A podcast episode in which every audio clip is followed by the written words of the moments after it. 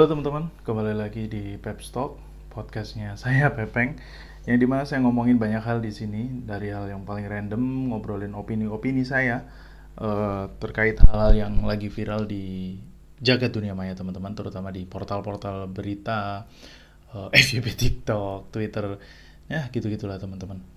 Jadi uh, ini adalah episode kedua kalau di mungkin di tulisan podcastnya ini episode ke-8 atau nggak saya udah bingung nih udah beberapa saya juga udah nggak nggak terlalu ngitung. Mungkin kalau nggak salah episode ke-8 karena dulu podcast ini sempat mati suri lama dan baru saya aktifkan lagi bulan-bulan ini bulan November ini. Dan ini adalah podcast kedua setelah pertama kali saya mengaktifkan lagi Pepstock. Uh, episode kali ini ini berkaitan dengan salah satu konten saya yang uh, di TikTok cukup viral banget yaitu soal KTT G20 bukan masalah KTT-nya ya teman-teman ya bukan masalah uh, proses KTT-nya terus keseruan KTT-nya orang-orang yang datang uh, petinggi-petinggi dunia yang hadir bukan. Lebih ke arah ada satu peristiwa penting. Tapi sebelumnya kita apresiasi dulu kepada pemerintah Indonesia melalui Kementerian Luar Negeri kalau tidak salah dan juga Kementerian uh, Keuangan ya Menko ya dari Bu Sri Mulyani dan Ibu siapa? Lupa saya satunya mohon maaf Bu saya nggak apa jadi keberhasilan dari beberapa menteri dan juga pemerintah Indonesia seluruhnya berhasil mengadakan KTT G20 di Bali yang alhamdulillah sih cukup lancar ya teman-teman ya. Nggak ada kendala yang berarti nggak ada yang ya nggak yang aneh-aneh lah pokoknya intinya aman lancar dan semoga Indonesia menjadi lebih baik di mata dunia. Ya terkait apa pun itu kekurangan-kekurangan kita tetap harus mendukung uh, upaya negara ini untuk membawa negara kita Indonesia ini menjadi lebih baik lagi ya. Maksudnya uh, pemerintah kan nggak selamanya buruk-buruk-buruk terus gitu ya teman-teman ya jadi nggak bisa lah kita selalu apatis apatis apatis gitu ya. Kalau hal baik kita dukung kalau buruk ya kita kayak kita komplain kita ngasih masukan dan lain nggak bisa lah nggak ada yang sempurna di dunia ini. Terlepas dari kadang-kadang juga saya nggak suka nggak puas juga dengan beberapa kinerja pemerintah, tapi untuk KTT G20 ini oke okay lah, saya sangat uh, apresiasi dan bagus banget.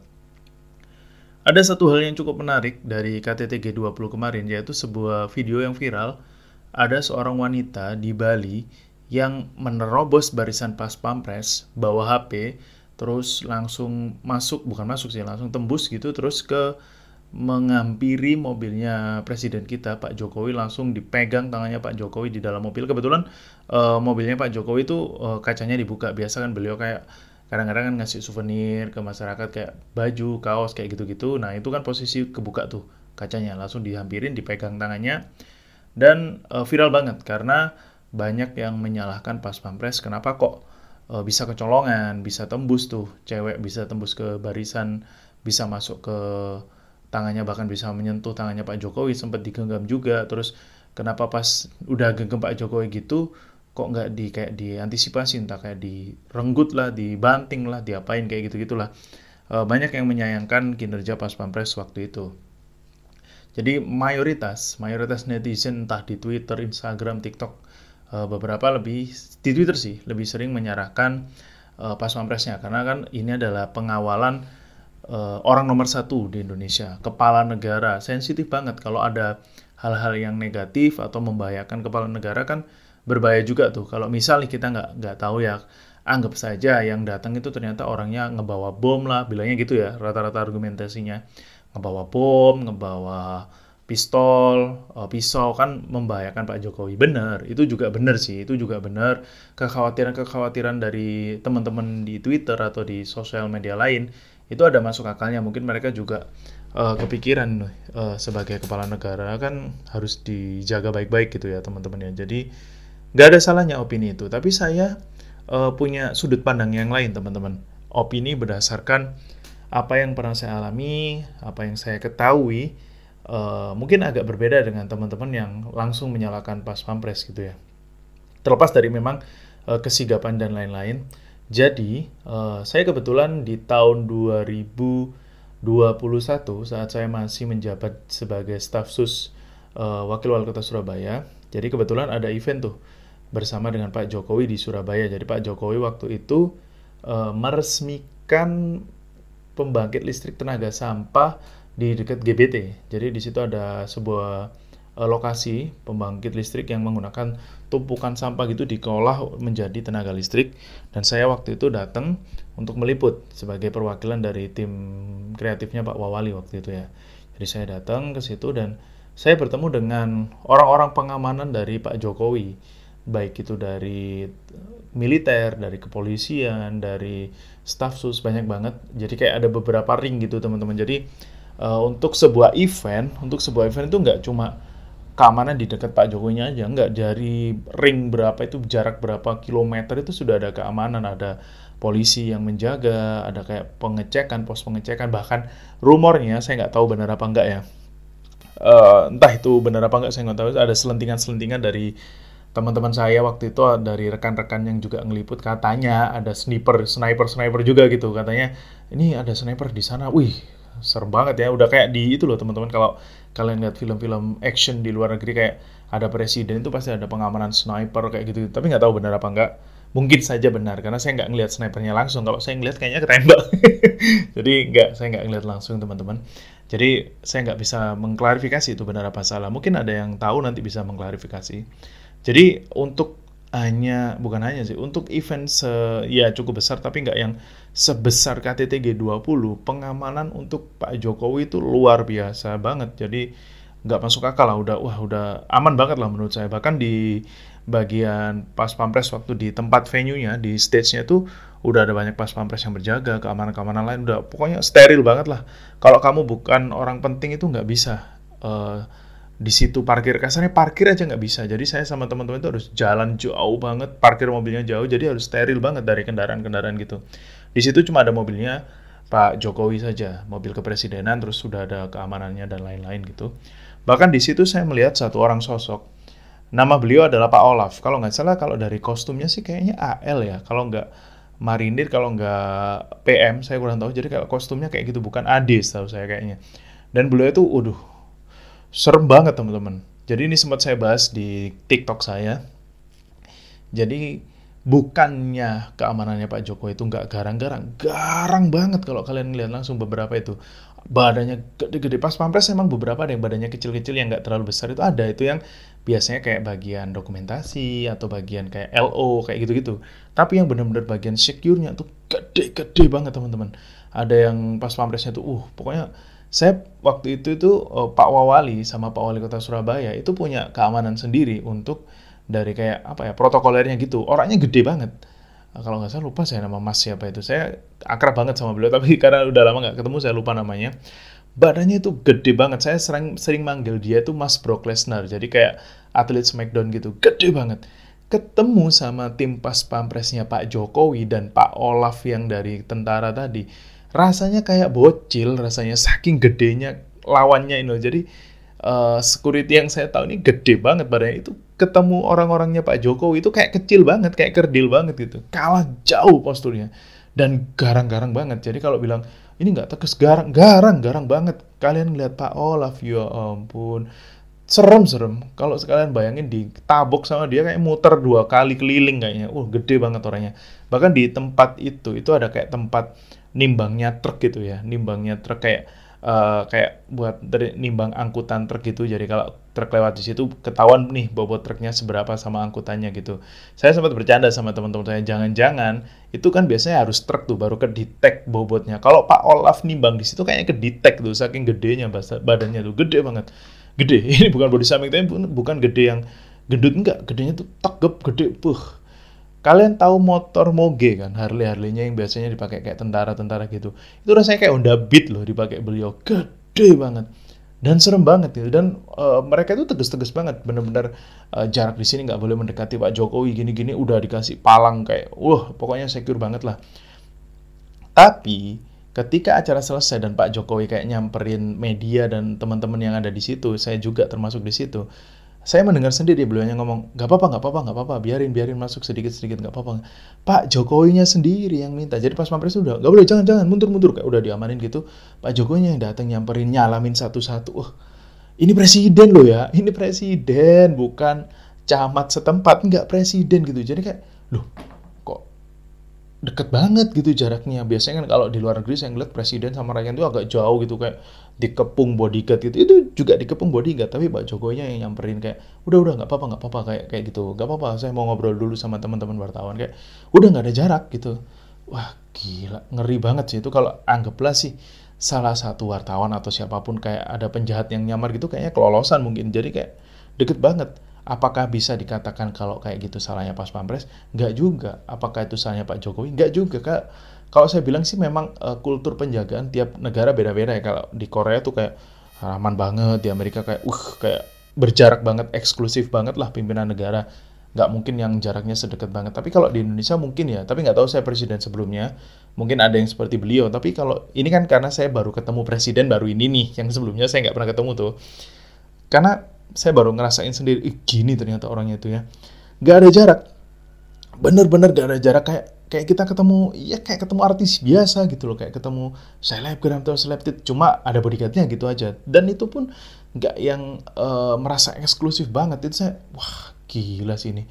Dan makanya itu saya tidak bisa langsung menyalahkan ketika tragedi KTT G20 kemarin. Bahkan saya dengar klarifikasinya saya baca di berita klarifikasi dari Pak Pramono bahwa memang uh, sempat di mau di bahkan mungkin mungkin mau dibanting ya kalau nggak salah kan pas Pampres juga SOP-nya kayak gitu yang membahayakan presiden kan langsung di tackle kayak gitu.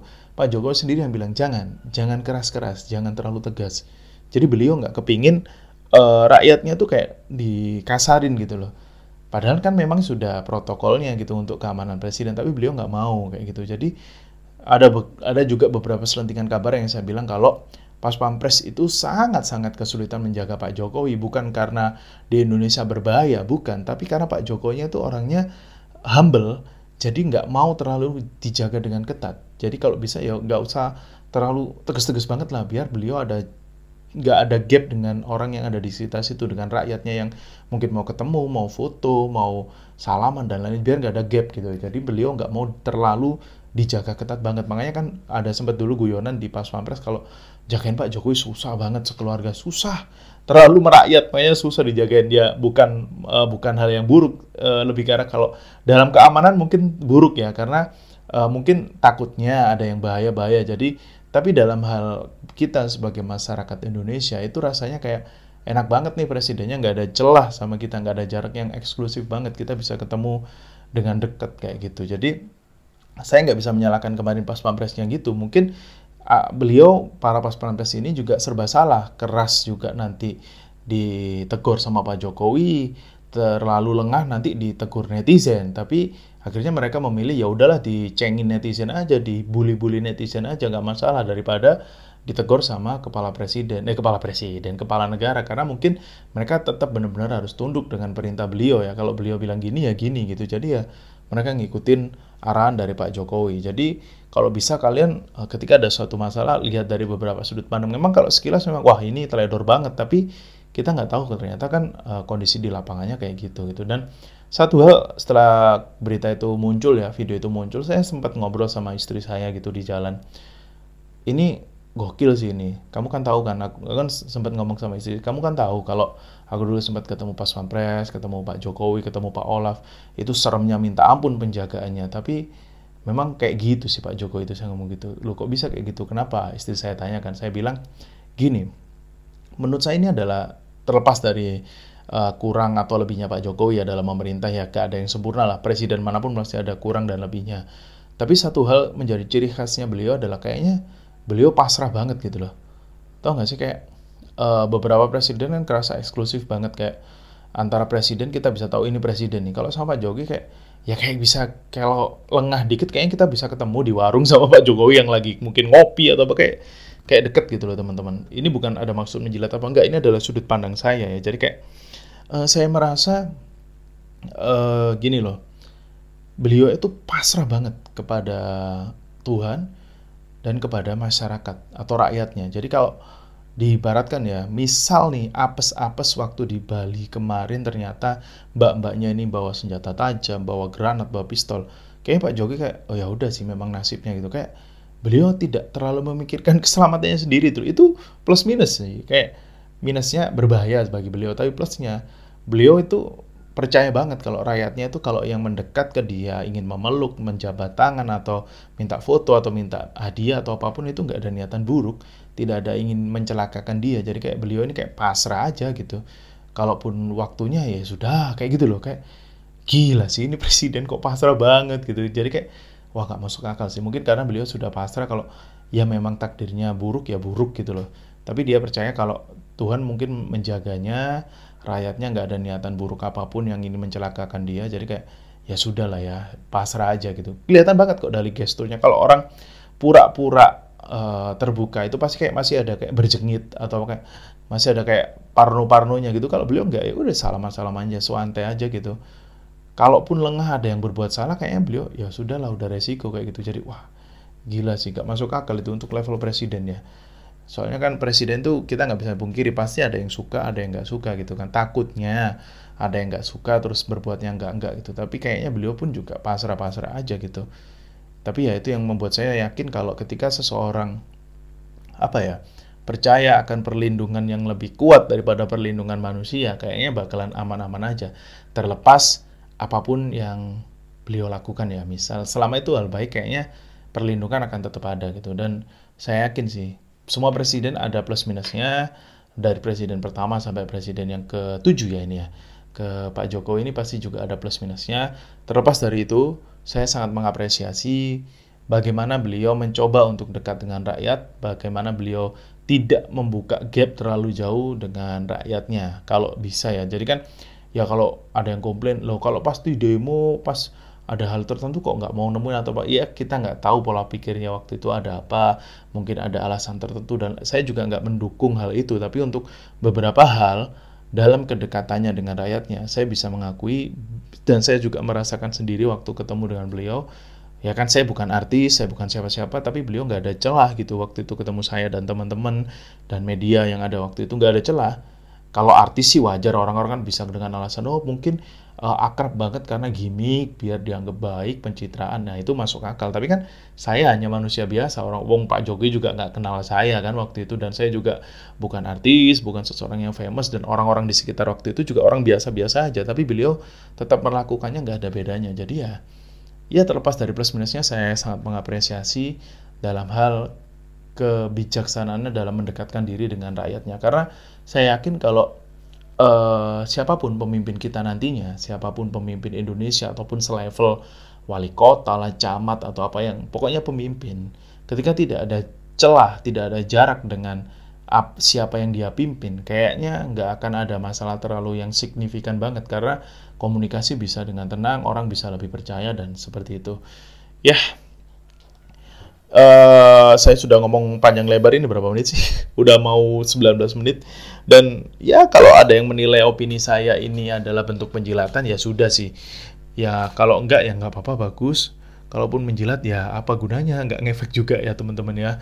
Tapi ini adalah lebih ke arah opini saya, sudut pandang saya yang lain uh, dari kejadian di KTT G20 yang viral banget itu.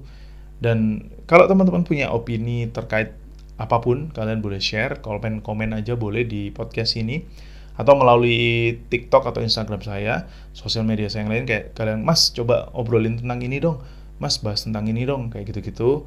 Dan kalau kalian punya opini terkait obrolan saya hari ini tentang uh, KTT G20 yang tragedi yang viral itu kalian boleh tulis di komen, kalian boleh share opini kalian karena uh, nggak uh, ada batasan buat beropini karena baik buruk ya opini orang pasti beda-beda. Oke. Okay?